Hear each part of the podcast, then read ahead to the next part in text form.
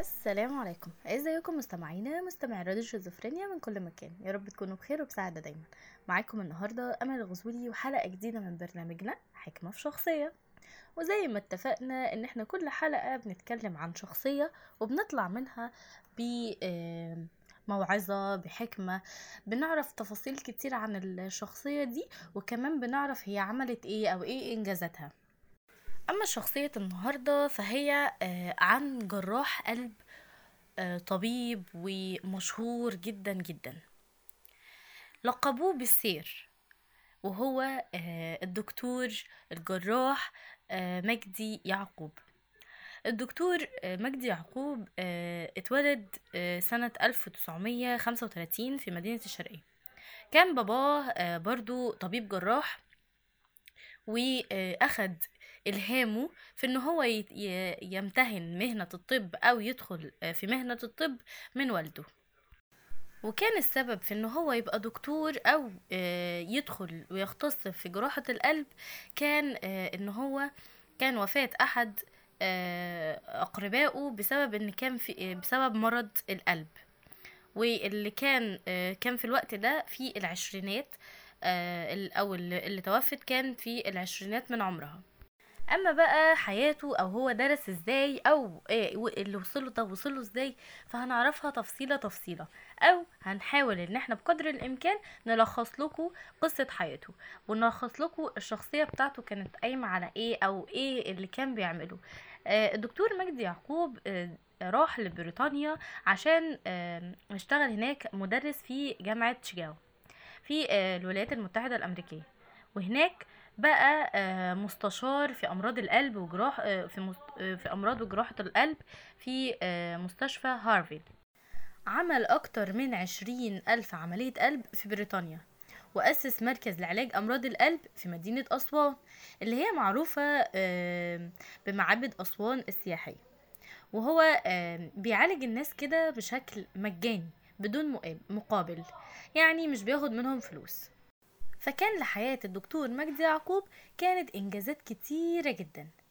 من أول ما انتقل لبريطانيا آه، وإن هو أصبح آه، مستشار في أمراض الصدر والقلب آه، في مستشفى هارفارد آه، كمان آه، كان بروفيسور آه، يعني بعد كده سنة 86 آه، 1986 آه، بقى بروفيسور في المعهد ال- الوطني للرئة والقلب. آه، وإن هو شارك في تطوير التقنيات المتعلقة بزراعة ال- الرئة والقلب.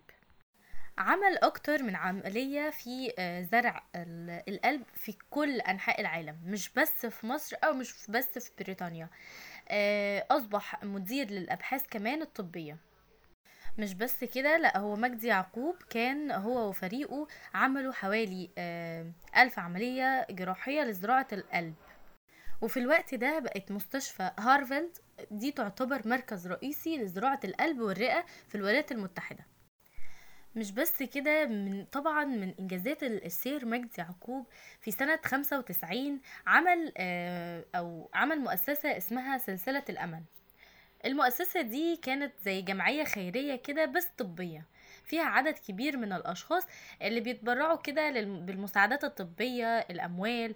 وكان الهدف الرئيسي في في الجمعية دي أو في المكان ده كانت مساعدة الأطفال اللي متصابين بأمراض القلب الخطيرة. وكان العلاج بيقدم ليهم بشكل مجاني بالكامل.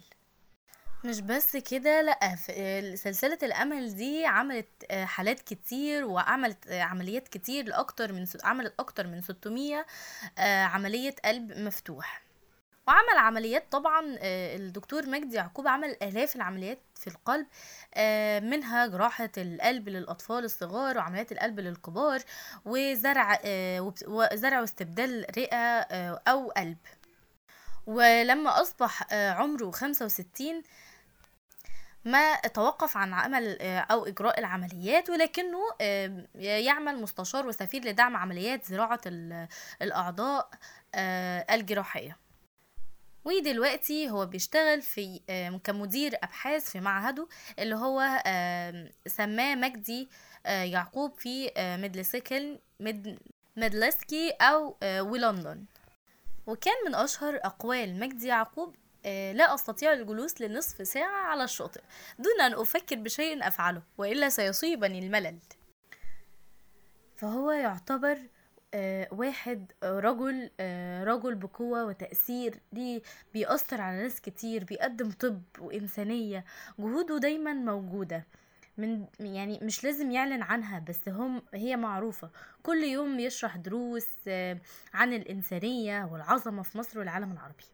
فالناس كتير اتعلمت منه وناس كتير استفادت منه واستفادت من من الحاجات اللي هو كان بيعملها للأطفال سواء للأطفال أو للكبار سواء ماديات أو معنويات. فهو دايما كان بيحب إن هو يقول كل المعلومات ما كانش بيحب يحتفظ لنفسه بأسرار العلم يعني. كان دايما بيحب إن هو يقولها لتلامذته عشان آه، يقدروا يقرروا العلم ده تاني.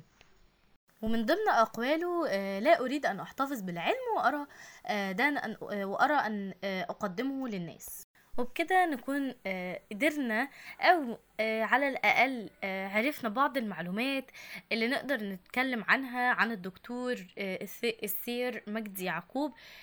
عمل حاجات كتير جدا ساعد أطفال كتير ساعد ناس كتير ساعد مرضى كتير. وكمان ساعد تلامذته في إن هم يحققوا العلم أو يوصلوا ويحققوا حاجات كتير.